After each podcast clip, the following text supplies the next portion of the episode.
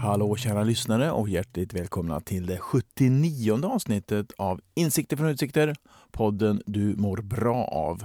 I detta avsnitt så gästas jag av en tjej som jag har haft på önskelistan länge. Och Det har varit många turer och vi har nära att kunna få till det men så har det av olika anledningar inte funkat. Men till slut så fick jag ändå träffa Mia Törnblom. Författare, föreläsare, företagare och ledarutbildare.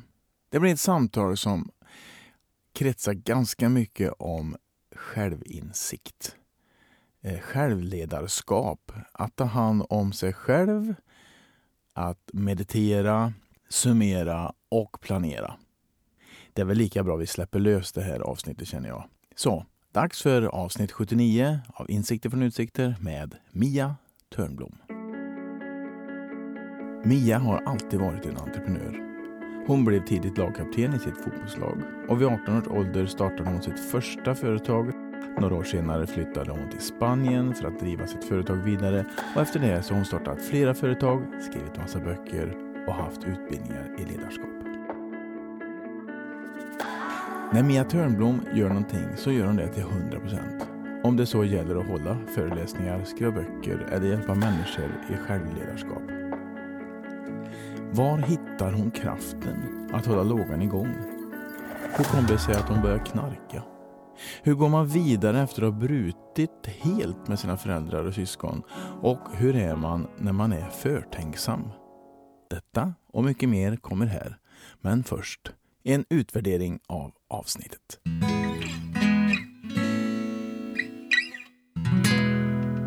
Blev det som du tänkte? Nej, men det är ungefär som jag tänkte. Ja. ja. Kära lyssnare, hjärtligt välkomna till ytterligare ett avsnitt av Insikter från utsikter, podden du mår bra av. Och vi har, tittar vi ut på utsikten här så ser vi Norrmalm, ser du ja. ja. Här sitter jag med en gäst som ni nu har hört rösten på, men ni kanske inte riktigt vet vem det är. Men det är Mia Törnblom. Det stämmer. Hjärtligt välkommen. Tack snälla. Du, om man nu inte har läst dina böcker eller hört dig föreläsa, vem är du? Ja, men jag blir snart 55 och är larvigt intresserad av människor. Alltså hur vi fungerar i oss själva och när vi samverkar med andra. Det är mitt nörderi, skulle Mm. man kunna säga. Jag fastnade för ordet larvigt. Vad tänk... Ja, men det, det är liksom, jag har inga fritidsintressen. Jag tänker på det eftersom det är lätt att jämföra sig med sin partner och titta. Han har så många fritidsintressen. Han fotograferar, han håller på med en massa saker. Så han har ett helt rum med sina saker. Men jag har liksom inget rum för min hobby blev mitt jobb. Ja. Och därför blir det nästan lite larvigt fast härligt. Ja, för det är nästan lite värdering i larvigt kanske. Mm. Ja, fast jag, säger, jag tycker nog att det är fint. Jag är stolt. Ja. Ja, Mm. ja, så att, du är larv, ja, larvigt stolt. ja, precis. Så om man hör att det var lite förminskande så är jag inte en förminskningsmänniska. Nej, verkligen inte. Absolut. Det kan jag stryka under på. Ja. Ja. Nej, men det är väl det. Så att jag jobbar, jag driver två företag. Ett som jobbar med ledarskapsutveckling och coaching och där har jag några coacher som jobbar. Och så driver jag en talarförmedling där vi förmedlar moderatorer och föreläsare och så. Så det är det jag jobbar med. Och mitt, min egen tid då, och så driver jag företag tillsammans med min man. Mm. Och det jag gör är ju att jag jobbar med en del grupper, lite individuell coaching och så föreläser jag. Och sen har jag skrivit ett par böcker. Ja, Mm. ett par. Elva. Ja. Det är många par. Mm. Jag tänkte på Micke, är han också ute och föreläser eller? Absolut inte. Nej, oj, absolut nej. inte. Nej, nej, absolut inte. Det vill han inte. Nej, han är helt ointresserad av det. Så han är struktur och organisation Ja. och jag är innehåll. Så att ibland får jag frågan hur är det att leva och jobba ihop? Och då är det väldigt bra för oss. Och för att det ska fungera så behöver man ha eh, liksom, en struktur. Och då är vår struktur att vi försöker vara överens när vi tar beslut. Men om vi är oeniga, då är det alltid någon som har två röster beroende på vilket område det gäller. Mm. Så att om innehållet för en utbildning, då har jag två röster. Om det är någonting med lokaler eller strukturer eller avtal eller någonting sånt, då har han två röster. Okej, det låter ju eh, vettigt. Ja, det är jättebra. Ja. Jag brukar starta min podd med en sån här törr faktaruta. Nu har vi redan varit inne på några stycken, men vi kör den ändå om det är Ja, okej. det går jättebra. Fullständigt namn, Maria Susanne Törnblom, ålder, 55 i maj, bor, 100 meter härifrån. så, så bra. Civilstånd, Gift, yrke, eh, ledarutvecklare. hobby. Ingen. Nej, Mitt vi jobb. Var, vi var inne på det. Ja. Äter helst. Mycket Ja. och gott. Mm, och vad är gott då?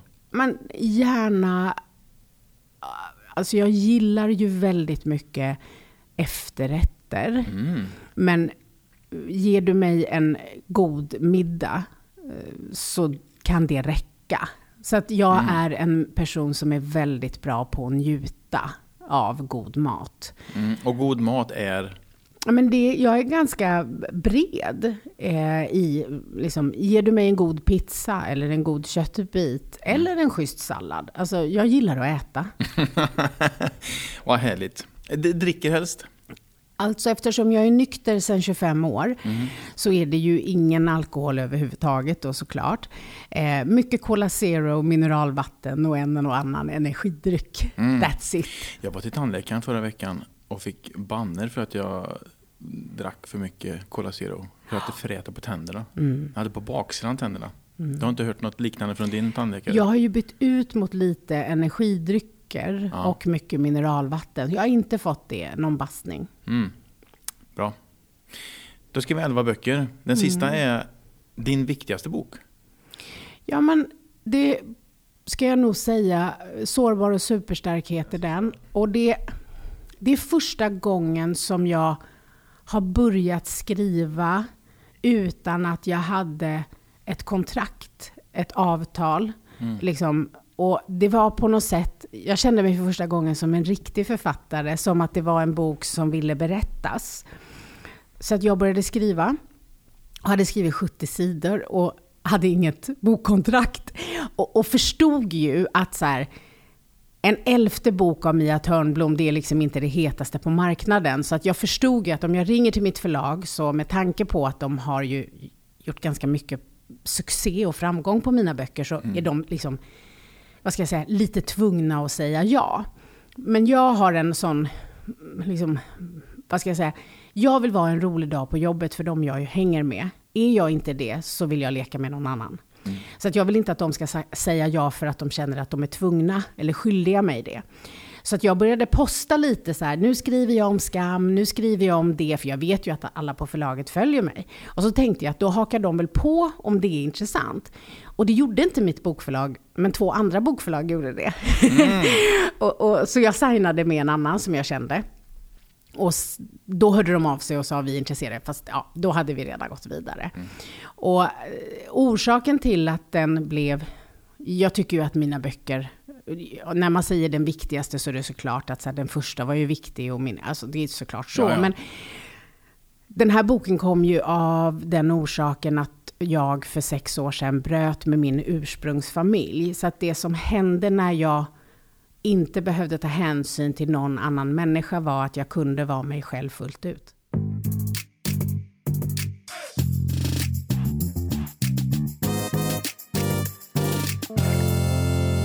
Sponsorsnack. Det finns köpcenter och så finns det köpcenter. Och så finns det Bergvik. Alltså Bergviks köpcenter. Bästa Bergvik. Jag gillar det stället, för där finns nämligen allt mellan himmel och jord. Allt ifrån galaklänning till grillkorv. Och mellan sådana ytterligheter vill man ju leva. Och det är möjligt på Bergvik. Att leva alltså, trots corona. För där finns stora ytor och vidtagna åtgärder så man kan vara lugn och trygg när man handlar på Bergvik. Så håll i och håll ut Åk dit och håll avstånd. Handla tryggt och säkert så vi alla får möjlighet att befinna oss mellan himmel och jord på bästa Bergvik.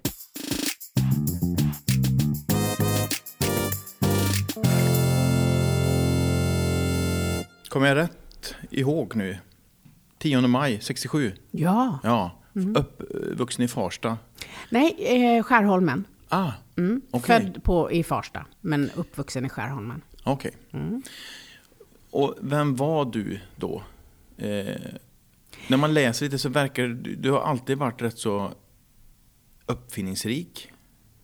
En Ja. entreprenör har funnits i dig från början, eller? Ja, men det tror jag. Jag har haft eh, både i min person, men också för att jag har uppmuntrats hemifrån, framförallt av min pappa, till att tro på mig själv. Så att jag har, eh, ja men det stämmer, att jag har haft lätt att tro på mina idéer eller att saker är möjligt. Ehm, Jag har tagit plats. Jag har vågat. Till viss del mod, men ganska mycket oräddhet också. Så skulle jag nog säga. Ja, och hur var du, vem var du i klassen? Var du den som lät och... Ja, Tog men tag i inte saker och- störde. Nej. Men jag blev ju tidigt lagkapten i fotbollslaget. Och Mm. eh, hemma hos oss så behandlades jag väldigt mycket som en vuxen. Så att jag liksom var med i alla samtal och det var lite så här eh, öppet hus och mycket folk och vi pratade värderingar så. Så att jag, jag, jag hade nog lite lätt att vara liksom klok och jag är också fostrad till att förstå att jag är privilegierad. Att många runt omkring har det mycket, mycket värre och att vi har det bra och att när man har det bra så ska man liksom hjälpa andra. Sådana värderingar har jag fått med mig. Så att jag, ja, men jag tog plats eh, när jag växte upp och eh, lärde mig om orättvisor och, och, och sådana saker. Så att jag var medveten och ansvarsfull tidigt. Var väl liksom tuff eller vad man ska säga, men, men inte taskig mot någon. Eh, Så skulle jag säga. Har haft lätt att vara flera. Alltså jag tror att fotboll är bra att spela till exempel för att man får lära sig att vara ett lag. Mm. Så jag vet inte. Ehm, jag tänker nu på vad mina eh, gamla klasskompisar skulle säga. Ja, det är så jag sitter och tänker så här. Eh, vad är deras liksom bild? Ja. Ehm, Tror du att de håller med dig? Ja, men Mm. man kan väl säga att... Eh, jo, men det, det, det skulle de säga. Så att jag eh, har haft lätt att få kompisar. Mm. Ja, det förvånar mig inte. Vi har ju träffats någon gång så där, och det var ju väldigt enkelt. Ja. Det kändes som att det var inte någon is som skulle brytas utan Nej. här är jag och jag kan vara din kompis om du vill. Ja. Och jag gillar ju människor. Mm. Eh, jag För du, innan dina föreläsningar så eh, minns jag rätt här, men du går och hälsar och får massa energi av det där Ja. innan en föreläsning. Ja. Gör du det fortfarande? Ja, nu under corona kanske det inte varit så, men Nej, men alltid. Ja. Och, och i corona då så blev det ju för mig väldigt intressant att se hur ska det här gå? Eftersom jag ju väldigt mycket just går och hälsar så att jag vet Mm. vilka jag... För jag ser det att om jag står på scen och föreläser så ser jag det som att vi gör det tillsammans. Jag ser det som... Jag har inget färdigt manus. Eh, jag vet vad jag ska prata om, men jag kan ändra från gång till gång. Och det är beroende på vilka som är där. Så att för mig är det otroligt viktigt att se publiken. Och då när jag skulle börja streama som man fick göra nu. Så visste jag att jag kan få ett tick som är så här, är ni med? När jag inte ser folk. Så att ibland när jag har stått i svart liksom, eh, lokal, så som många artister gör, så är det inte min bästa arena alls. För jag ser dem inte, jag vet inte, hängde de med, förstod de, ska jag gå vidare? Så att det är väldigt eh, interaktivt. Men det jag gjorde då, var att jag eh, loggade in en kvart innan och uppmuntrade dem att vara med i chatten. Och så ställde jag massa frågor. Så Hej, vad gör ni? Sitter ni? Och då började de berätta. Det var som bokbordet. Det här att när jag står vid bokbordet. Eller, då berättar de att så här, vi sitter hemma och vi dricker en kopp te. Och eh, jag sitter här med min hund. Och då direkt målade jag upp bilder. Så då liksom på något sätt såg jag dem framför mig. Så streamingen funkade skitbra för mig tack vare att jag loggade in en kvart innan. Det måste jag ha gjort, för jag gjorde också en hel del eh, digitala grejer. Jättesvårt. Alltså, man är så beroende av, jag känner också det där att man gör ju det där tillsammans. Och mm. Får man då inte ens ett ansikte att titta på, utan det bara är svart. Ah. Nej, jag, nej, jag håller med dig, det var inte min bästa arena alls. Mm. Men nu är det över. Nu är det verkligen mm. över. Vid 18 års ålder så startade du ditt första. Företag. Mm. Förlängda naglar, eller vad var det? Ja. Jag det är ganska, alltså, I våran ålder, vi är ungefär lika gamla du och jag. Detta är ju i början på 80-talet va? Mm. Ja, eller så... liksom, nej 87. 87. Eller 86, 87 där. Okay. 87, ja. För nu är det, tror jag det är vanligare att unga startar företag. Men det var det inte på den tiden. Så du var ju en entreprenör ute i fingerspetsarna, verkligen med tanke på naglar. Ja, men precis. Och det var väl just det där att när jag då, jag läste en artikel i Veckorevyn där det stod en liten notis om att man kunde förlänga lösnaglar. Och så blev jag intresserad och så åkte jag in där de satt och gjorde det och så då fick man göra en provnagel. Liksom. Det skulle man inte göra idag, det är jättekonstigt. Men då var det så för att det var så nytt. Och jag tyckte att det såg så intressant ut och spännande när hon liksom byggde och skulpterade. Och då fanns det kurser som man kunde anmäla sig till och då gjorde jag det. Och sen var det liksom, nu ska jag jobba med det här och då var det inte så att man blev anställd och då utan man startade eget. Man kunde säkert bli anställd, men jag hittade inte någon. Utan jag bara på något sätt, ja men då är det väl så det går till. Så att det var inte så här, jag ska starta ett företag, utan jag ville mhm. förlänga lösnaglar. Och sen när jag hade utbildat mig så var det självklart. Sen så var jag tillsammans med en kille vars pappa var egenföretagare. Så att jag fick lite hjälp därifrån. Mm. Att se att det fanns som en möjlighet. Just det. Ja, för det, när jag läste om det tänkte jag att det där var pragmatiskt och innovativt för att vara 18 år på 80-talet. Ja, men när det kommer ur lust på något sätt, som det mm. gjorde då, då, då är det andra bara något som ska lösas. Mm. Mm. Men sen så hamnar du i en lite mörk period. Ja. Jag jobbar ungefär i ett år. Och sen är jag singel, för det tar slut med den här relationen. Och det går bra. Men jag tänker att Sverige är lite kallt. Så att jag tänker att man kan väl lika gärna förlänga lösnaglar i Spanien. Och mm. tar då min väska med nagelsaker och en kompis och på vinst och förlust. Och då tänker jag så här, vi kanske är där i två veckor eller så blir det längre. Och det är ingen stor sak för mig. Jag, jag bara liksom provar. Och då stack vi till Kanarieöarna och fram till dess har jag inte rökt en cigarett. Jag, har inte, jag är väldigt mot droger. Jag har tidigt sett vad droger har gjort med kompisar som har växt upp runt omkring där jag bodde. För i Skärholmen så är det många som, liksom, ja, men som fastnade i missbruk. Man fick se liksom, den, hela samhället kan man säga. Mm. Och, och, jag var mot knark. Liksom. Men jag är överviktig och min, mina närmsta kompisar är typ så här 1,75 långa och vägde 50 kilo och flera av dem försörjer sig som fotomodeller och jag lite kortare och, och ganska rund. Och folk sa att så här, du är söt i ansiktet. så. Och en kompis sa, och det var en komplimang, hon sa så här, det är så här konstigt Mia, för du är så här tjock, men du får killar i alla fall. Så. Och hur själv... tog du det då? Ja, men alltså självförtroendet har jag ju alltid haft, men den här självkänslan mm. var ju inte alls lika stark. Så att trots att jag då är emot knark, så är min längtan efter att bli smal så mycket starkare för att jag inte känner att jag duger som jag är. Det vet jag ju inte då, för jag kan ju inte de här orden. Så att när jag bor i Spanien så blir jag tipsad om bantningstabletter och jag förstår ju, för jag förstår saker och jag kan läsa på förpackningen att det står amfetamin och jag vet att amfetamin är knark. Men då sa jag till mig själv att det här är ju en tablett ifrån doktorn, då är det liksom inte knark, då är det medicin. Så att jag, liksom, det är ju min första sån medvetna värdering som jag går över, är ju att göra om det till medicin. Sen tyckte jag ju enormt mycket om effekten av de här tabletterna.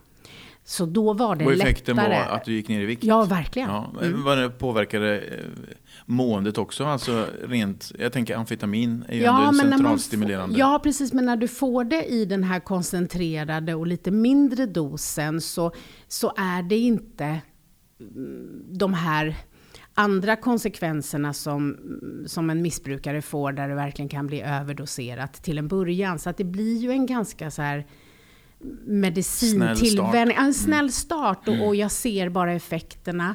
Jag blir smal fort. Jag kan dricka alkohol utan att bli lika full som jag kunde bli ibland annars. Jaha. Ja, precis. De så tog den, ut varandra så. så att jag trodde det var tvärsom? Ja, precis. Att jag, jag tror där och då att missbrukare blir man för att man har växt upp i den typ av miljö. Mm. Eh, jag förstår, och vi har ingen i hela släkten som ens är lite alkoholiserad. Eh, så att jag har inte förstått att om du tar amfetamin varje dag så kommer du också utveckla ett beroende. Eh, och sen tror jag att vissa saker spelar roll. Jag tror att hade jag varit hemma, men jag var liksom i Spanien, jag mötte inte min riktiga verklighet. Eh, så att folk kom dit, var där en vecka och och sen åkte de hem. Så det var ju inte konstigt att folk festade en vecka. Men jag levde, i, levde det, ja. i det hela tiden. Och eh, på något sätt... Så att jag vet ju inte när jag utvecklade mitt beroende. Men från det att jag åt de här tabletterna så förstod jag inte varför jag inte skulle göra det. Så sen mm. hade jag tio år av eh, att jag bara la till nya droger egentligen. Så de sista sex åren var ju heroin min huvuddrog. Mm. Men orkar du jobba samtidigt? Eller hur var... ja. ja. Eh, jag jobbade ända till på slutet, inte alltid. Men eh, i restaurangbranschen kunde man jobba utan att det märktes. Så. Mm. Mm. Man kunde sova rusa av sig på dagen? Och... Ja, och att jag inte vill vara borta. Utan jag ville må bra. Mm. Och jag ville inte att det skulle synas. Jag ville liksom få saker gjorda. Så att, eh, Men när upptäckte du att nu har jag problem? Alltså jag, en, om man tänker när man är i ett beroende så är ju halva sjukdomen går ju ut på att förneka för sig själv att man har den. Mm. Så att fullt ut förstod jag ju inte förrän ganska långt in i min behandling. Eh, hur egentligen allt ligger till. Mm. Eh, så att smärtan av mina konsekvenser av missbruket, smärtan av den jag själv hade blivit, var det som gjorde att jag var öppen för att sluta. Men det var inte så att jag vaknade en dag och tänkte jag är trött på droger, utan mitt liv var helt i kaos. Mm. Och från då en ganska självständig och driven person till att allt har brakat. Så det var ju så här stunder där jag, men hur blev det så här? Men mm. sen går man in i dimman igen och behöver skaffa droger. Och det är liksom inget 9 5 jobb att vara heroinist, utan det, är liksom, det pågår hela tiden och det krävs en driv mm. i det också. Um, och jag hade rätt högt tempo, och jag bodde i lite olika länder och jag ställde till med olika saker. Så att jag vet, alltså jag var på Kronobergshäktet tre månader innan jag blev nykter. Och varför hamnade du där? Ja, men då blev jag eh, för grova bedrägerier. Jag hade gjort mm. sådana checkbedrägerier. Och, men eftersom jag är tjej och ser lite snäll ut så blir man ju mer eh, dömd till skyddstillsyn än fängelse. Alltså hade jag mm. varit kille och mörk så hade jag ju fått andra konsekvenser tidigt. Så ser det ju ut.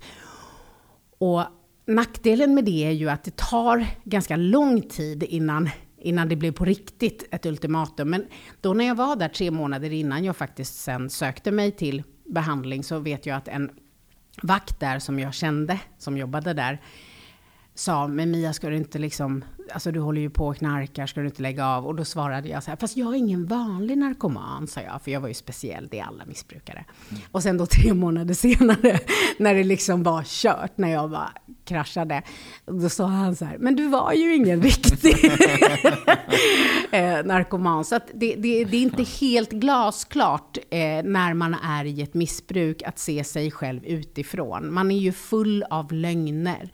Eh, jag ljög väldigt mycket och det på något sätt kan jag se idag har räddat livet på mig själv.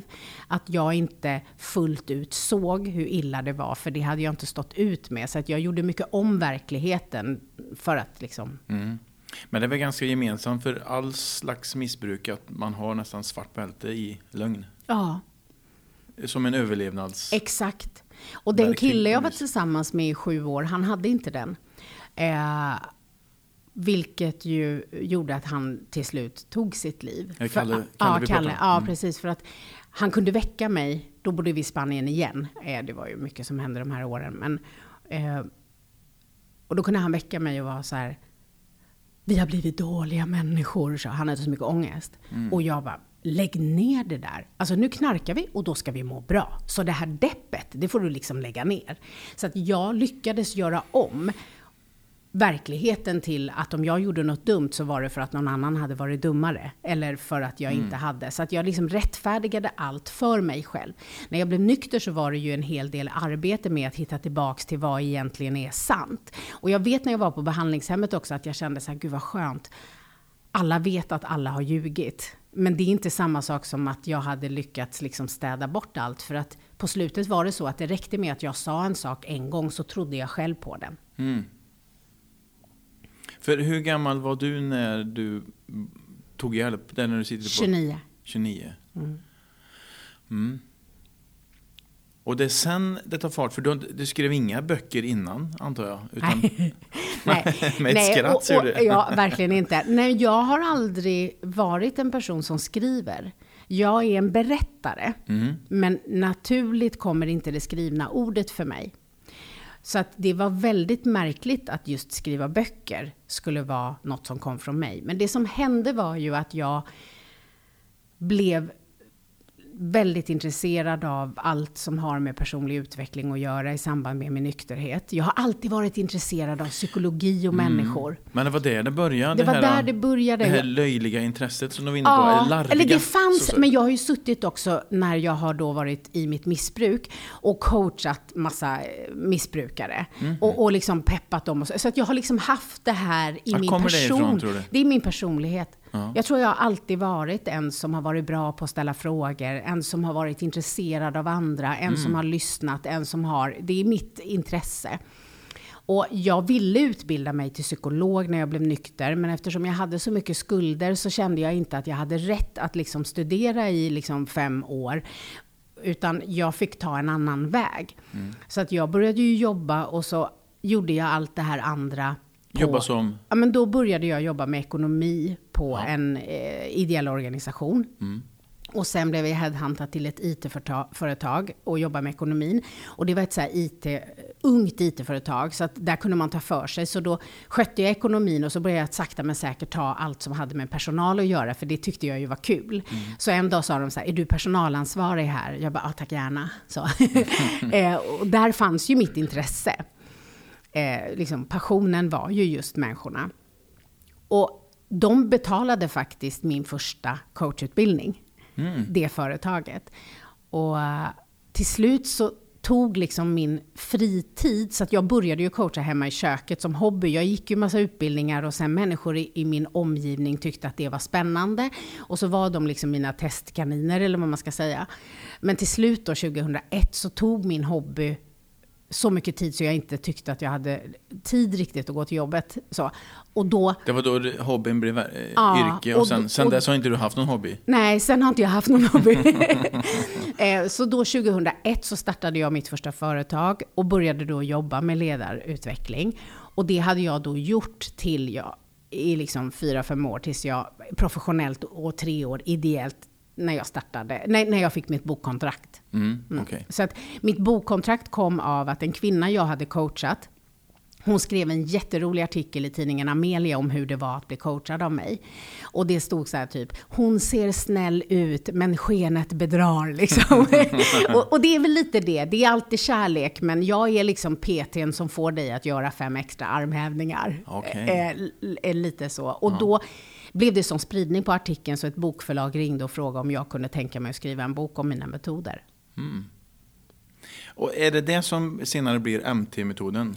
det finns redan och, och, och, då, då har jag redan jobbat med det. Ja, ja. För vad innebär den? Ja, men, eh, det är en metod där vi har eh, metod för daglig reflektion. Mm. Metod för när du blir irriterad på personer. Alltså att istället för att vara ett offer för andra människors tillkortakommanden så tjänar vi väldigt mycket på att se vilka känslor väckte det här i mig? Vad har jag för egen del? Vad har jag mm. möjlighet att påverka? Så att det finns metod för irritation, det finns metod för rädslor, det finns metod för reflektion.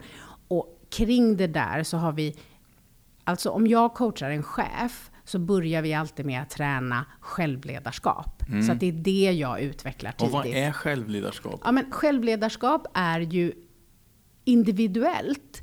Eh, men det är ju konsten att leda sig själv. Och skulle jag behöva svara kort så skulle jag säga att i alla relationer, situationer, både se och ta ansvar för sin egen del. Men det kan ju också vara att se hur behöver jag ge mig själv återhämtning just nu? Hur kan jag stärka min motivation?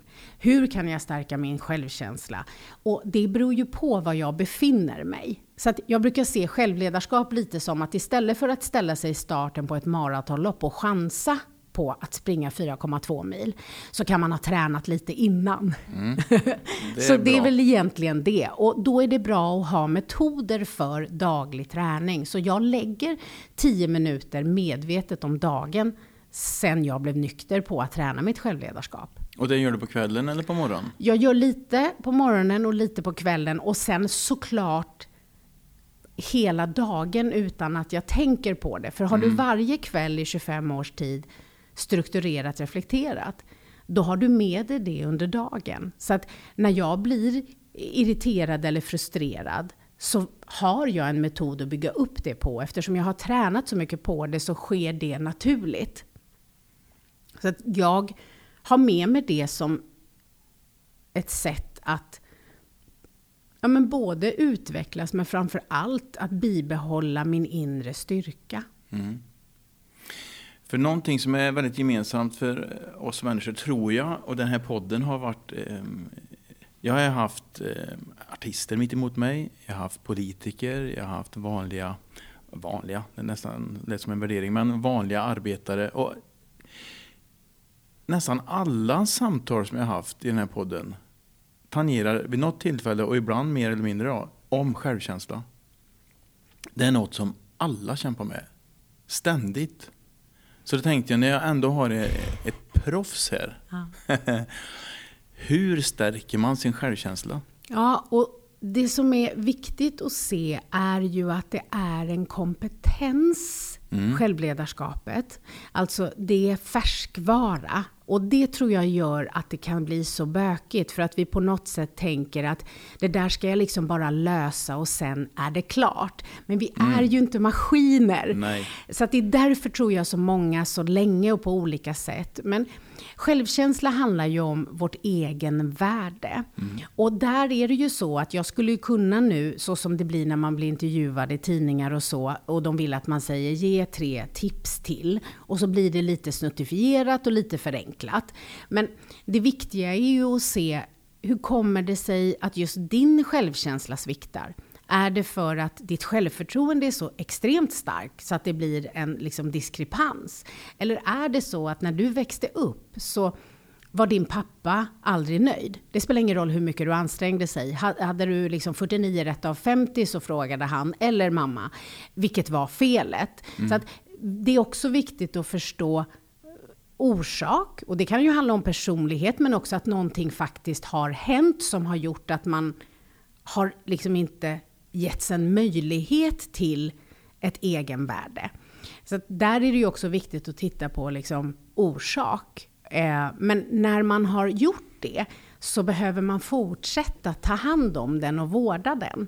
Mm. Så att det kan handla om att ha en väldigt stark inre kritiker. Alltså att man har, jätte, alltså oavsett vad du än gör, så letar du det där lilla, lilla felet som inte blev perfekt. Och då handlar det ju om att hitta ett sätt att liksom motverka den inre kritiken. Eller så har du fått höra att du inte är värd något. Och då handlar det ju om att titta på de som sa det och se att det var ju inte sant. Det handlade om dem. Så att det mm. är ju komplexare än så. Jag förstår. Och lite grann, du var inne på det, eh, maratonlopp. Det, alltså, kondition är också en färskvara, precis som självkänsla. Ja. Men varför tror du att jag antar att du också har suttit i massa samtal med människor med ja. dålig självkänsla. Var, varför är det en sån gemensam faktor hos människor? Därför att, alltså det är ungefär egentligen tycker jag som att fråga varför har människor taskig kondition? Ja, för att de inte har tränat. Alltså mm. mitt svar är inte mer komplicerat än så. Eh, och eftersom det är så att skillnaden med fysisk kondition, den är ju upp till oss själva 100%. Men när det gäller inre trygghet så handlar det inte bara om oss själva, det handlar Nej. ju också om alla vi har runt omkring oss. Så att därför blir det mer komplext. Så att, mm. så att jag skulle säga att de där som bara naturligt är helt trygga i sig själva, eh, av sig själva, de jävlarna är ju märkliga. Ja, för alltså man, förstår du, utan ja. and, så jag vet inte hur gör de? Alltså, eh, och, och då. Så att, så att eh, någonstans, eh, och det är också så, där tycker jag att det är så häftigt, för när jag började med allt det här, då, då pratade inte forskarna enkelt. De gör det idag. Mm. Internet fanns inte heller. Och det vi pratar mycket om de senaste åren då, forskarna, det är ju just det här att vår hjärna har ju inte förändrats nämnvärt de senaste 20 000 åren. Så vår hjärna är ju programmerad för en annan tid. Mm. Eh, vilket gör att den tid vi lever i, då är det ju inte alls konstigt att man har en svag känsla av egenvärde, för vi är programmerade att jämföra oss. Och förr kanske vi träffade 100 pers på en livstid, nu möter vi upp till en miljon, eftersom vår hjärna förstår ju inte om du och jag ses så här, eller via mitt flöde på Facebook. Så att vår tid är utmanande för självkänslan. Mm. För när du och jag växte upp så jämförde vi oss, men vi hade ju bara vår högstadieskola och eventuellt den som låg några kilometer bort som vårt upptagningsområde. Liksom, Medan idag så speglar sig ju de unga i Kardashians och Zlatan. Så mm. det är ju väldigt svårt att känna att man är tillräcklig, för vi matas med alla andra. Så att det krävs ju mer inre trygghet idag. Ja, det skulle jag vilja säga. Eh, och mer arbete med den typen av frågor, konsten att leda sig själv, än vad det gjorde på din och min tid. Mm. Ja, sen 2007 också med här smartphones och alla sociala medier.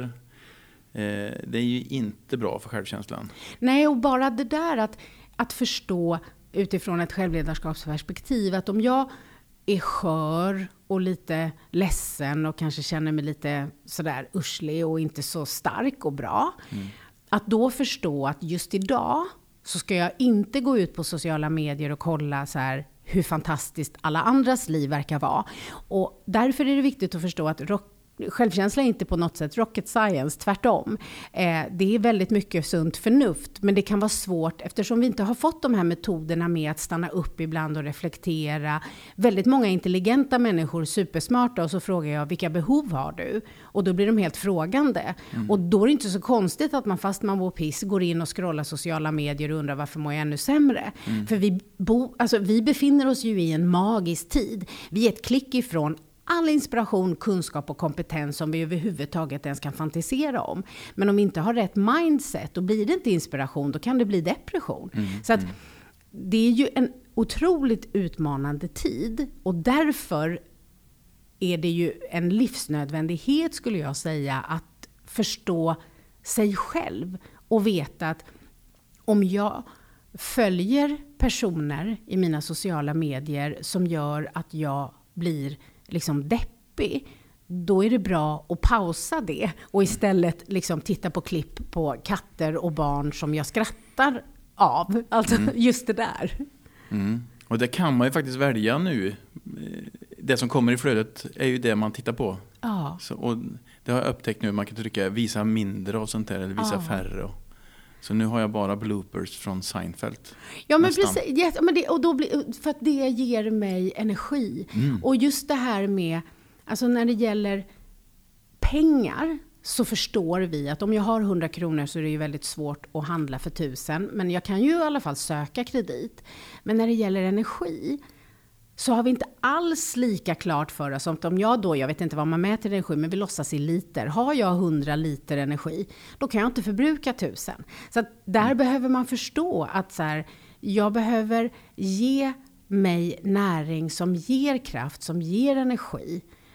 Um, och det menar du är självreflektion och att man ger sig tid till att reflektera? Ja, mm. och, och jag tror att många, och det är ju alltid mest utsatt för ambitiösa personer. Eh, som har ofta en stark inre kritiker, som har haft det lite som drivkraft. Därför att att vara väldigt hårt mot dig själv kan ju bli en, en liksom...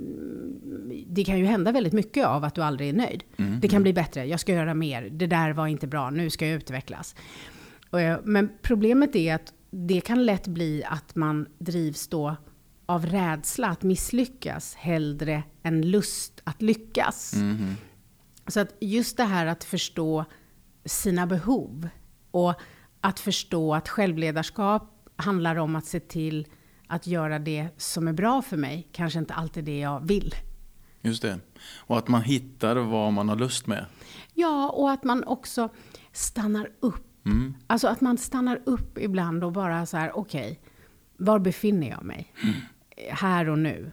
Vad behöver jag göra för att jag om två timmar ska klara av att vara närvarande eller eh, ha ett eh, utmanande möte istället för att väldigt många människor bokar ju in så mycket som möjligt hela tiden, eh, vilket gör att de är helt slut när det där viktiga kom. Så Min gissning är att du har varit där. Ja, men alltså, ja, och jag tror att om jag inte hade liksom knarkat ner mig så hade jag ju gått in i väggen mm. och fått vända om för att jag har haft så mycket driv och självförtroende men inte självkänsla. Vad gör du när du återhämtar dig?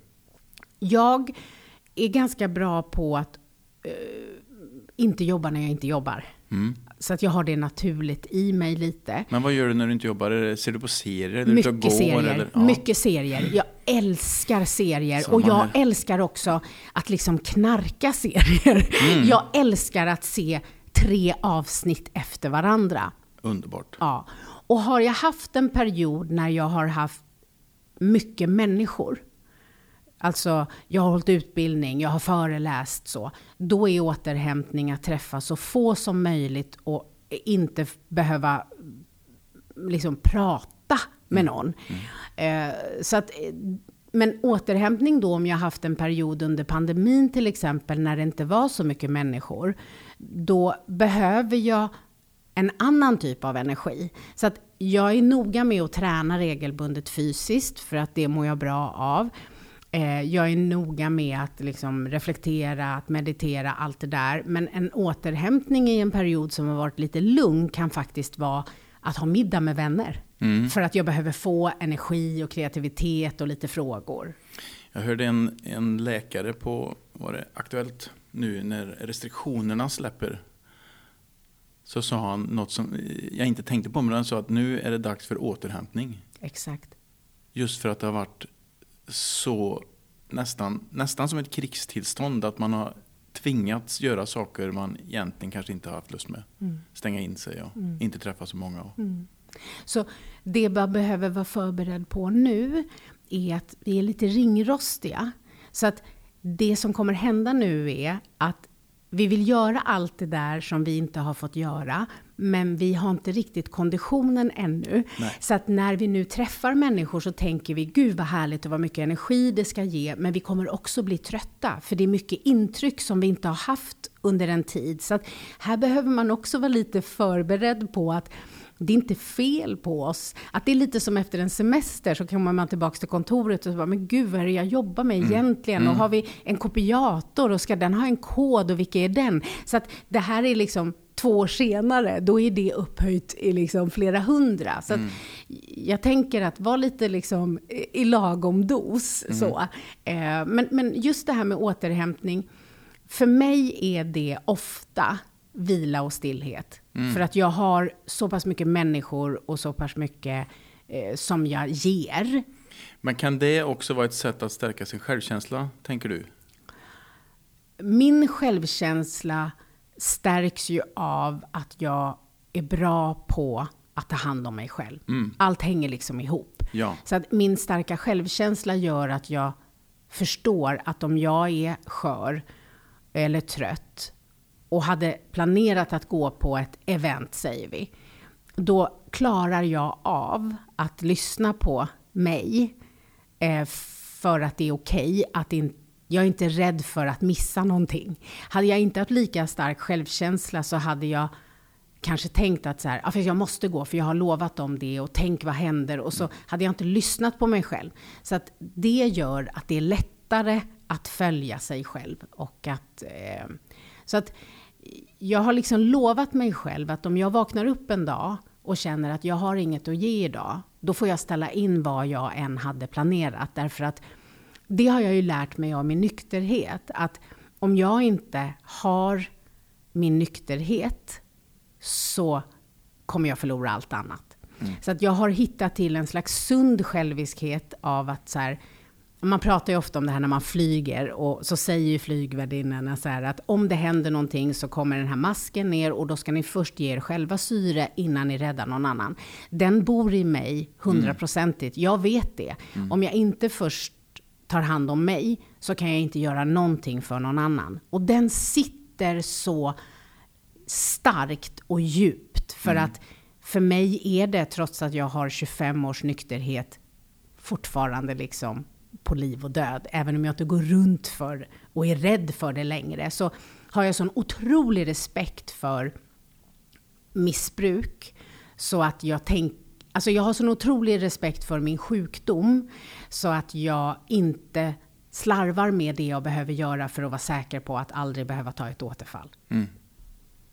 Jag försöker summera. Mm. I alla fall när det gäller självkänsla. Och så Ja. får du säga att nu har du inte förstått någonting. Eller så har jag förstått någonting. eh, var snäll mot dig själv. Ja. Var ärlig mot dig själv när det gäller eh, återhämtning. När man känner något, om man blir arg, ledsen, besviken, titta inåt. Fundera på varför känner jag så här? Och ta hand om det. Exakt så. Ja. ja. Jättebra. Tack så du ha.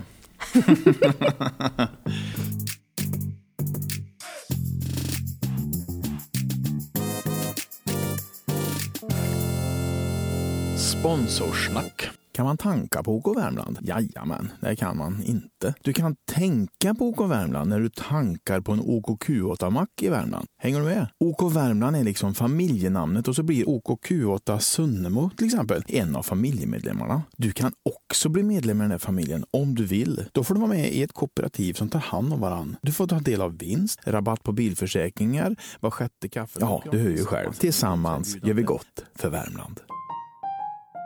Jag tänkte vi skulle titta, för du skriver en del om det här i din bok, den senaste då som heter Sårbar och superstark. Ja. Och där i början på boken så var det fem, fem punkter som, om jag förstod det, som var liksom någon slags grund för boken. Det var din nykterhet. Mm. Det var eh, att din pojkvän Kalle tog livet av sig. Det var att du hade accepterat att du var barnlös. Det handlade om brytet med dina föräldrar. Mm. Och eh, att du har träffat din man. Ja, ja, Ja. Det, det, det är ju fem väldigt viktiga eh, händelser i mitt liv. Ja. Mm. Och några har vi tagit här, men jag tänkte på din man.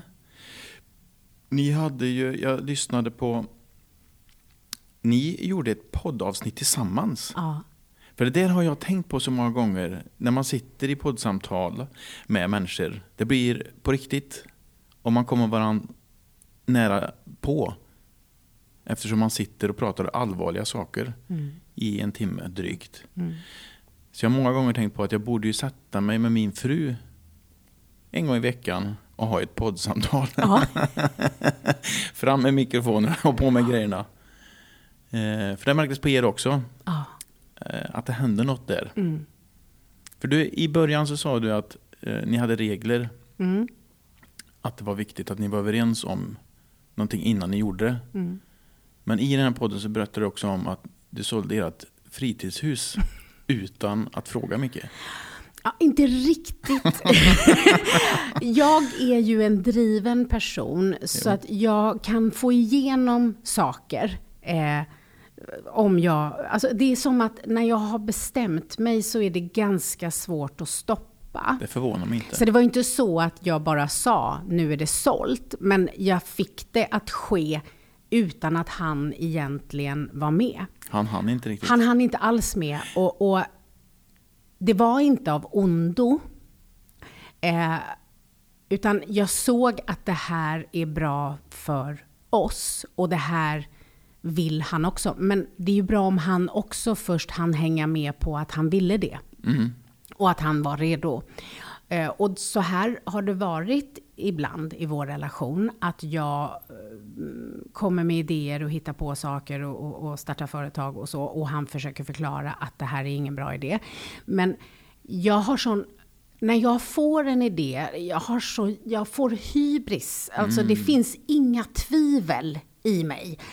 Eh, så att det har ju varit lite eh, sådana eh, händelser. Och just det här förstod jag inte alls att jag hade behövt vänta in honom förrän långt senare. Och det blev tufft. Mm. Och när vi spelade in den här podden så visste jag inte att han hade tänkt ta upp det här i podden. Men det gjorde Definitivt. Ja, det gjorde han verkligen. Och, och det var nytt, det är nyttigt, alltså Mm. för egot. För, för jag vill ju direkt så här, ja fast du vet, Ja, så här, men det- försvara för mig du börjar lite så nu också. Ja! Ja. Och, och vill verkligen så här förklara att det var inte av ondska. Men, men så är det, man kan vara hänsynslös fast i all välmening. Och det var precis det jag var. Det var extremt hänsynslöst det jag gjorde. Och jag såg det inte. Hur gör du för att du inte hamnar där igen då? Konsekvenserna av det som hände där var ju att det typ nästan blev skilsmässa. Det var ju fyra månader när han inte liksom visste, kommer jag kunna hitta, alltså tillbaka till att känna så här, det här är liksom min, alltså att han, han slutade ju liksom inte älska mig, men han mådde verkligen inte bra och jag var orsak, alltså det var massa saker som kom till sin spets där. Så att vi såg tendens av den här hybrisen igen när vi köpte vårt hus i Spanien och jag då ska inreda det, gärna på en kvart och helst innan vi kommer ner. Och han är så här, kan vi ta det lugnt, kan vi landa först? Och då hade jag sagt till mig själv, så här, men, jag, men sen kom den där, men den blev inte... Han hade kalkylerat med att det skulle bli dyrare. så att han tycker liksom att det gick ganska bra, för det var en vecka som jag var... Jag är onåbar då. Alltså, för jag är så övertygad om att jag har rätt. Men, men efter den veckan så på något sätt hann jag ikapp mig.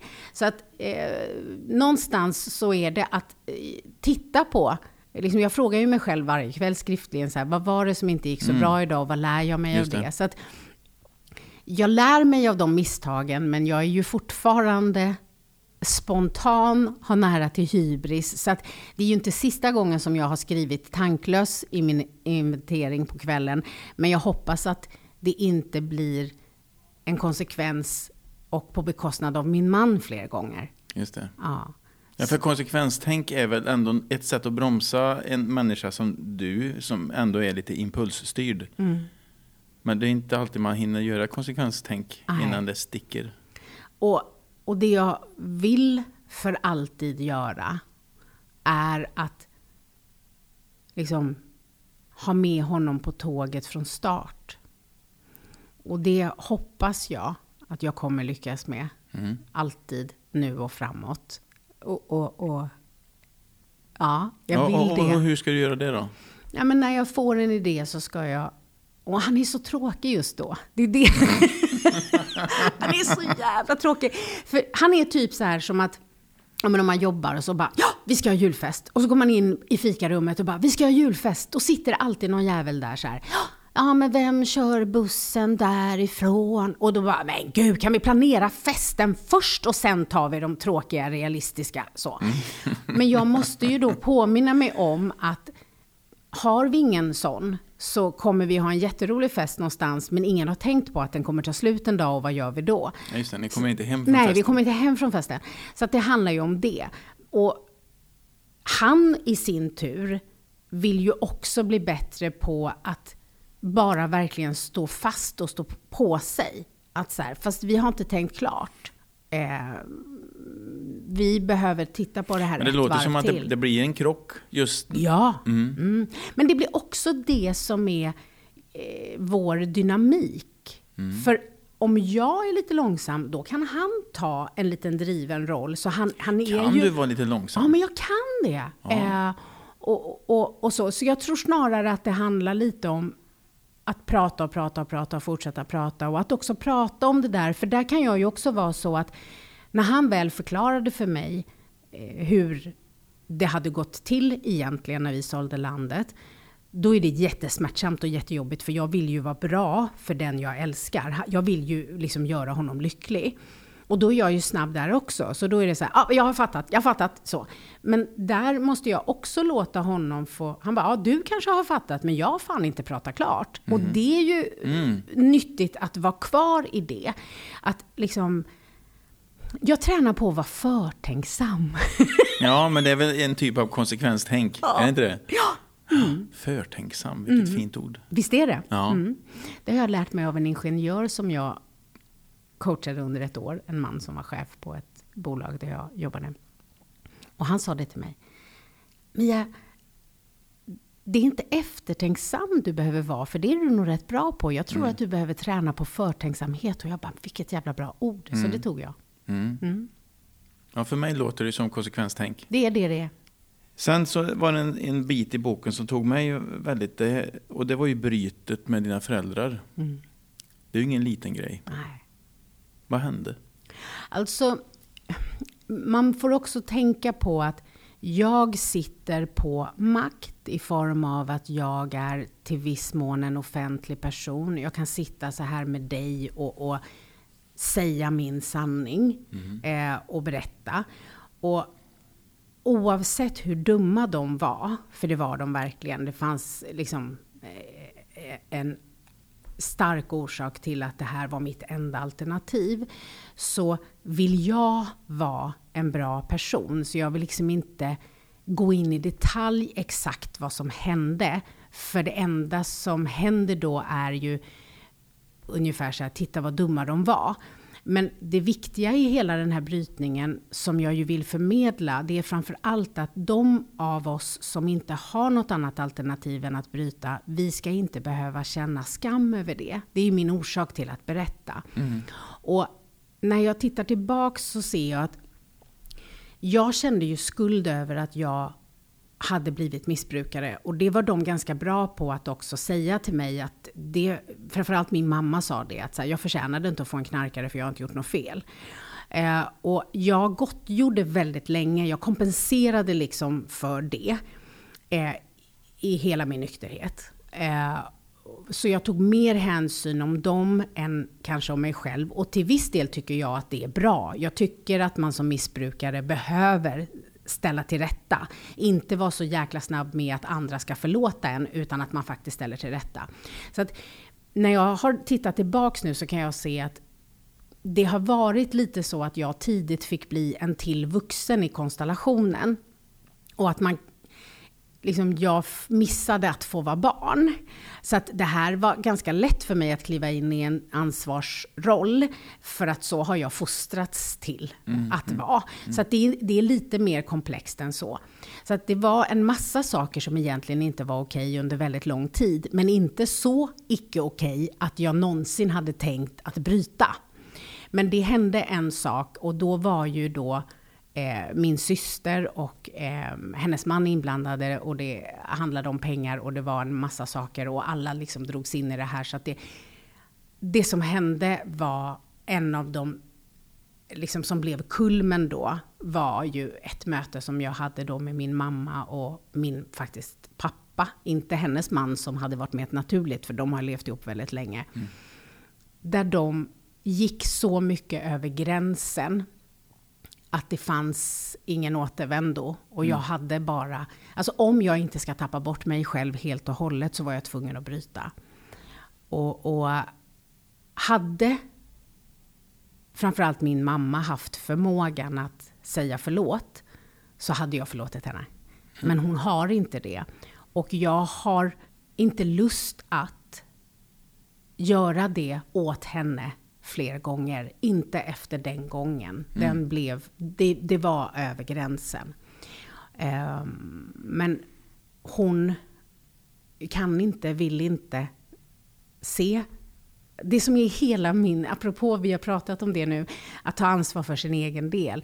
Det liksom sitter i hela mitt Ja, det cellsystem. syns på, syns på hela dig just nu. Och, och då går det inte när någon inte är, inte längre. Väldigt länge gjorde jag det åt henne och, och, och de andra runt omkring. Men, men det gick för långt. Så att eh, hon har inte försökt eh, liksom, eh, Nej, försonas vad- heller. Nej, vad jag förstod så är det ingen av dem som har... Nej, och min pappa har gått bort så han lever inte längre. Ja, För när man läste om det kände jag lätt att känna sig rotlös kanske. Eh, samtidigt som man kanske känner sig fri. Men jag kände mig aldrig rotlös. Nej. Och det kan jag nog tacka dem för. Därför att jag har, eftersom jag är bra på att både se vad som är mitt, vilket gör att jag inte fastnar i bitterhet. Jag är inte rädd för sorg. Jag vågar vara i alla de här känslorna. Så har jag väldigt lätt också att se allting som jag faktiskt har fått. Och även om vi idag inte har någon relation så har ju det positiva inte försvunnit. Och Och vad är det positiva? Ja, men det som jag ändå har fått med mig hemifrån i form av att även om min liksom, pappa, och, och, och, som var starkt drivande när det gäller värderingar, inte själv levde som han lärde, så gav han mig värderingar som jag fortfarande har. Så att jag har inte känt mig rotlös, men det är klart att det blev väldigt ensamt. Jag har ingen ursprungsfamilj. Jag har inte själv fått några biologiska barn. Så det har varit en enorm sorg att gå igenom. Är du för, igenom? Ja, och därför skrev jag. Jag skriver inte innan jag är klar. Nej. För att jag skriver, det kan jag göra fast bara för min egen skull. Så att jag, jag liksom läker och bearbetar och sen delar jag med mig för att mitt motiv att dela med mig är inte att jag behöver prata, för det har jag ju liksom ett helt nätverk av och kloka personer och fina som finns för mig. Eh, Men jag vill vara en person som delar med mig. Och jag vet att just det här med igenkänning, att eh, eh, skamtålighet, allt det där är det fler än jag som kan behöva inspiration. Så det handlar mer om vem jag vill vara, hur jag vill leva mitt liv. Så att det var när jag kände att liksom, såren är läkta, men ärren kommer alltid finnas där. Då är jag redo att prata. Om din mamma ringer imorgon och ber om förlåtelse, vad händer då? Ja, men då träffas vi och sen får vi se vad det leder. Ja, ja. Men är, det något, är det något att hoppas på? Nej, eller? nej, men det är Nej. det jag menar. Att, för jag vet att det inte kommer ske. Så att om jag skulle gå runt och hoppas på det så skulle jag ju göra mig själv olycklig. Alltså ibland så måste vi acceptera verkligheten som den är. Eh, och det, det, det kräver ju ganska mycket av en människa. Ja. Du, är, du är stark. Ja, men jag du är också, modig? ja, det är jag och klok faktiskt. Ja. Eh, och jag vågar, och det tror jag också att, jag tror att om jag inte hade till exempel förlorat Kalle som jag var tillsammans med då som tog sitt liv och gått igenom hela den förlusten och sorgebearbetningen eh, så hade jag kanske inte lika lätt kunnat ta mig, och då menar inte jag att det har varit enkelt på något sätt, men sorg, har man upplevt den alltså, smärtsammaste sorgen och, och liksom förlusten, så kan man ta sig igenom det så kan man ha det med sig i andra situationer där de känslorna kommer. Så att jag är klok nog att döda hoppet om att min mamma ska trilla, slå huvudet i en sten och bli en annan person.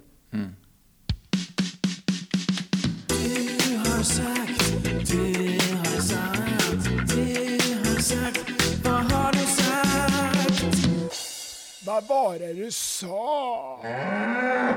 Du, I min podd så har jag ehm, en liten pusselbit Ja. som heter Du har sagt.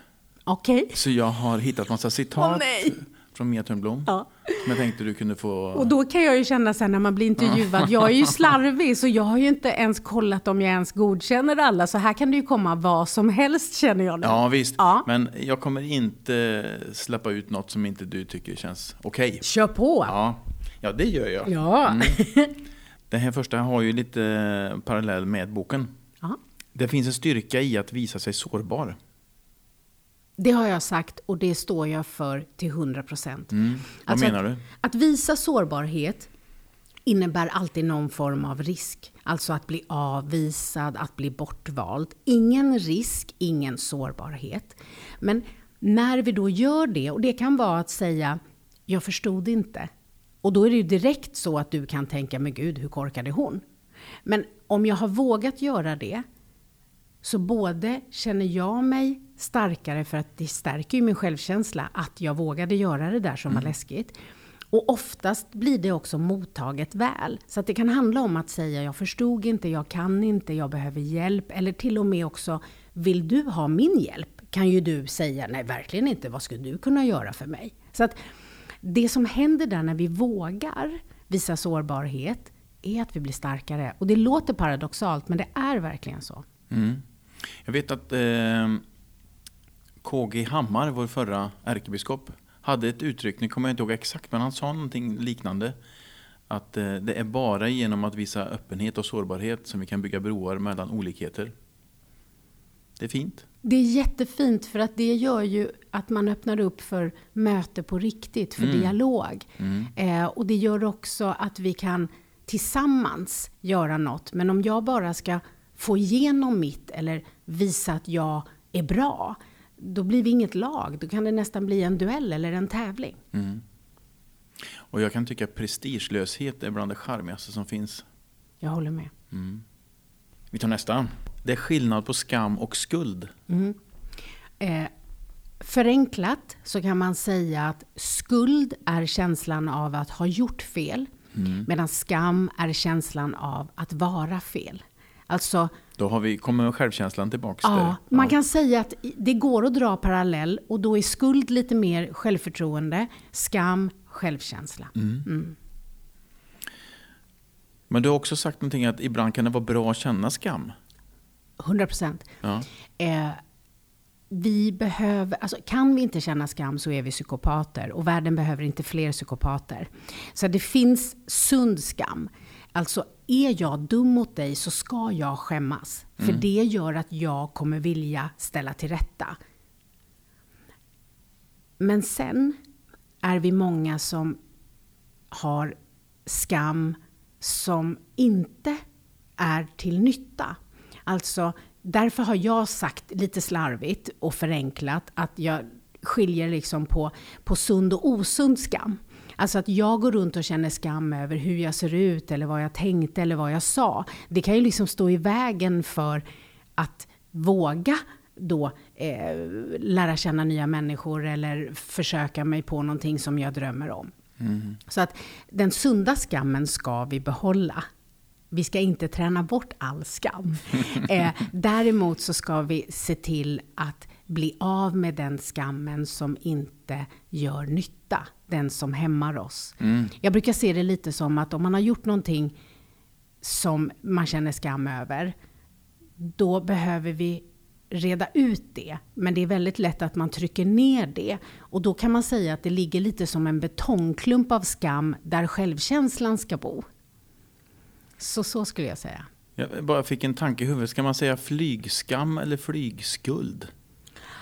Eh, det vi gör när vi påpekar för någon annan att den gör fel, det är att vi försöker skamma dem. dem. Okej. Men det en person kan välja själv att se, vad vill jag ta ansvar för när det gäller saker som faktiskt kanske inte är så himla bra? Så jag kan ge dig flygskam och mig Ja. själv flygskuld. Ja, fast du kan ju också ge dig själv flygskam, för att det handlar ju väldigt mycket om hur ser du på att flyga? Ja. Så att det är ju Men jag där tänkte på det att det var bor. någonting som jag är. Mm. Eller om det är något som jag gör. Det kan ju vara både och. Så det handlar ju mer om hur du. Mm. förhåller dig till det. Så är det så att du fortsätter flyga, då får du nog hitta ett sätt att vara överens med det Mm. för att bli fri. Annars är det lite som att du gör det fast det krockar med dina värderingar och så känner du dig dålig och då kan det bli så att du försöker titta på någon annan och se att den gör fel och så shamear du den istället. så att det. det blir ofta geggigt. Flygfri. Ja. Vi tar en sista här. Livet suger regelbundet. Ja, det gör det. Ja. Alltså, livet suger regelbundet. Och det enda vi egentligen har makt att påverka, det är vilket tillstånd vill jag befinna mig nästa gång livet suger. Men att tro att det kommer komma en tid när inget går emot oss, när det inte är orättvist, när vi inte blir oskyldigt anklagade eller någonting sånt, det är att göra sig själv olycklig. Så att, att utgå ifrån att så här, det kommer hända en massa saker utanför vår makt och påverkanskraft som inte är det vi skulle vilja. Ju snabbare man på något sätt accepterar att livet suger regelbundet, ju lättare blir det att lägga kraften på det vi har makt att påverka. Du är så full i klokskap, Mia. Ja, men jag är fan det. Ja. ja det är jag. Men du har tränat också. Som bara den. Du, då stänger vi eh, Du har sagt. Mina damer och herrar, det har äntligen blivit dags, inte bara för mitt och Maltes favoritmoment här i programmet i podcasten, utan jag gissar för er allas. Det har blivit dags för Tombolan! Som du ser nu så har vi en liten tombola. Ja. Så du vevar och... Jag eh, vevar. Ja. Och eh, öppnar luckan och tar fram. Du får läsa själv. Berätta om ett tillfälle när du skrattat väldigt mycket. Jag är ofta glad och jag Mm, skrattar nog. Ja, jag har nära till skratt och jag tänker att det är viktigt för att också orka det tunga. Har det varit så hela livet? Eh, det tror jag Mm. att jag har haft. Och framför allt så kan jag säga att när jag var på behandling för att bli nykter så var ju det extremt utmanande att sitta i gruppterapi och prata om alla de här sakerna som ingen av oss egentligen ville prata om. Det var ju det. Det vi skämdes mest över var ju det vi behövde bli fria ifrån. Och det var tunga grupper. Och på kvällarna så skrattade vi så mycket. Alltså det, vi bara vi låg och vek oss. Och jag tror att det var återhämtningen. Alltså vi behövde det. Så att jag skrattar ju ofta och mycket. Nästan så, så att jag har svårt att komma på ett tillfälle. För jag har väldigt mycket skratt i mitt liv. Men jag har ju precis nu eh, varit iväg i ett dygn med två av mina bästisar och bott på liksom, ett hotell och spaat. Och, och vi har skrattat så mycket. Vi har skrattat så mycket innan vi skulle somna. Man ligger i sängen tillsammans och bara pratar om allt som man inte berättar någon annanstans. Och nästan så att de här kompisarna och jag, de är helt fantastiska. Det är Alice Ba och Eva Röse, magiska kvinnor båda eh, två. Och på något sätt så är det snarare så att vi en del människor träffas och så vill de berätta det bästa om sig själva. Men vi snarare bjuder på det sämsta. Alltså så, här, så det är Mm. Det verkligen blir att bjuda tjej, på riktigt och inte till vår liksom, fördel alla gånger utan snarare allt som är liksom, pinsamt man har gjort så att vi bjuder extremt mycket på oss själva. Så att jag har precis kommit från ett dygn av asgarv. Underbart. Vi tar en till. Mm, vi tar en till. Vad har du komplex för? Ett komplex som jag hade väldigt länge men som jag nu är okej med är brist på högskolepoäng. Det satt längre än vad jag själv såg. Eh, att jag var tvungen att förklara eller så. Så den hade jag med mig ganska länge, men nu är jag så jävla gammal så att nu skiter jag i det. Eh, jag vet inte fasik, jag har inget mer. Det andra har jag gjort, men jag har ju haft, alltså jag blev ju ändå knarkare för att jag inte tyckte om min kropp. Alltså, så att det är inte så att jag inte har haft, men, men jag har liksom gjort mig vän med allt det där. Så att jag har idag inte det, skulle jag säga. Nej.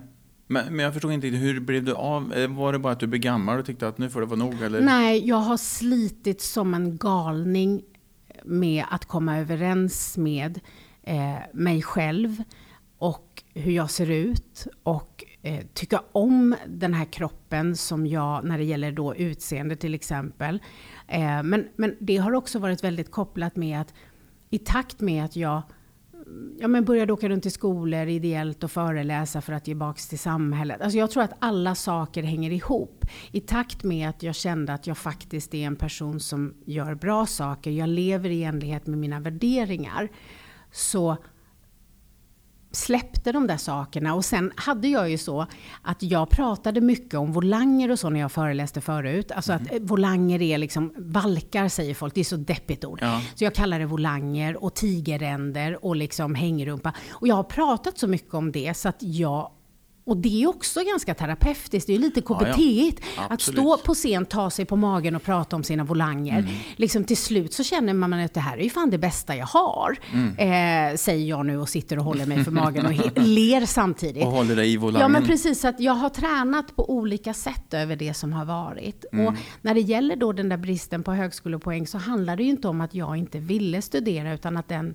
möjligheten hade jag slarvat bort i takt med mitt liv. Och jag vet ju att jag fortbildar mig eh, hela tiden. Jag tänkte ju, ju säga det. Ja, Men jag ser ju till, jag, jobb, jag känner ju jättemånga professorer och forsk, alltså smarta människor som kan saker. Så då blir jag kompis med dem och så får jag jobba ihop med dem och så lär jag mig.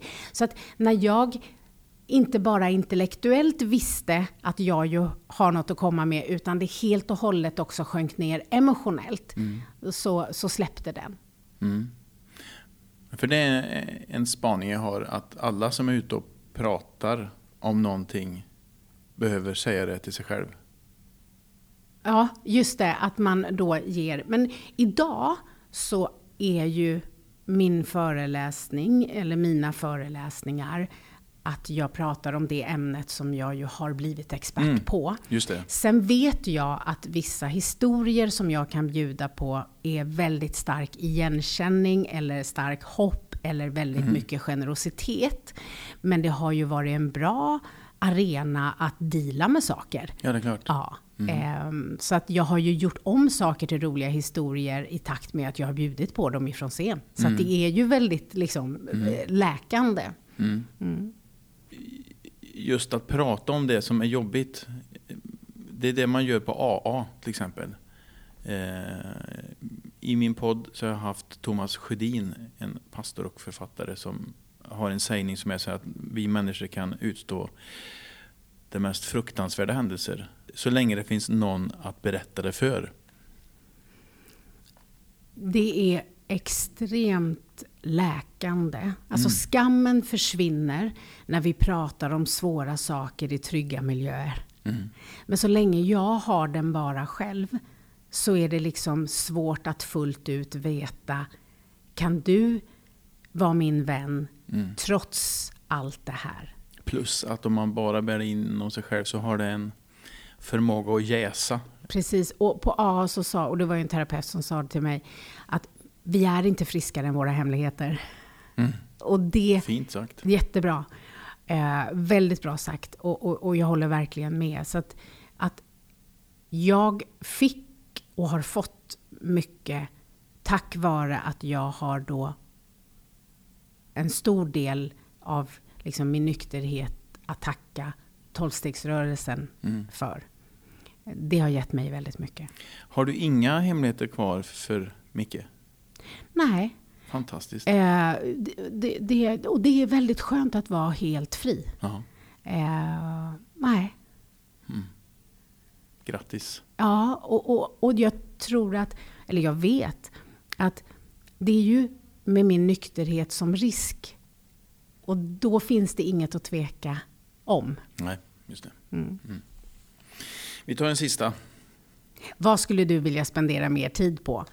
Den här är plättlätt. Mm.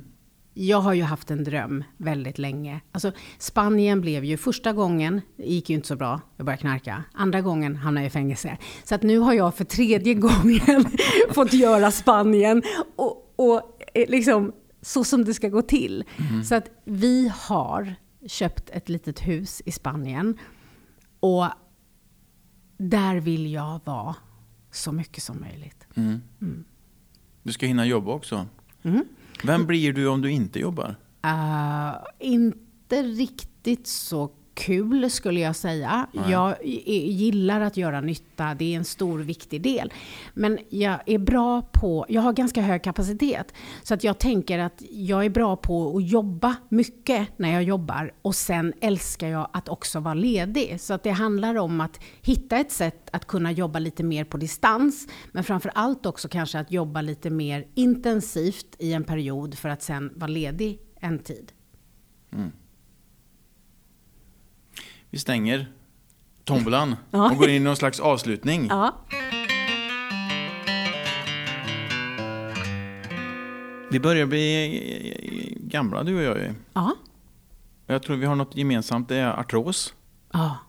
Var sitter din artros? Alltså höft eh, framför allt. Sen så förstår jag att jag nog också har lite i händerna. Eh, men ja, Vad gör du åt det? tränar. Ja. Ja. Eh, och Har du något program du följer eller? Nej, inte just nu, Nej. för det har varit lite bättre. Jag går regelbundet både på massage och hos kiropraktor för att liksom reglera och så. Mm. Men sen har jag ju slutat helt och hållet att gå i snygga skor och går i fotriktiga skor. För mig har det handlat ju mycket om, om sådana saker. Ja, just det. Ja, så that's it. Mm. Jag får ju varje dag två övningar Ja. i telefon. ja, men det där är ju bra. Mycket bra. Ja. tar det fem minuter Ja. och då slipper jag ont. Jag är lite lat. Jag är bra på vanor. Jag är mycket bättre på att träna självledarskap än såna här saker. Rehab och skit. Det- Mm. Ja. Nej.